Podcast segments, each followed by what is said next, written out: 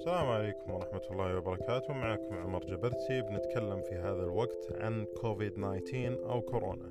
كيف نطلع من هذا الوقت بأكبر فائدة وكيف في نفس الوقت نحافظ على صحتنا البدنية والعقلية.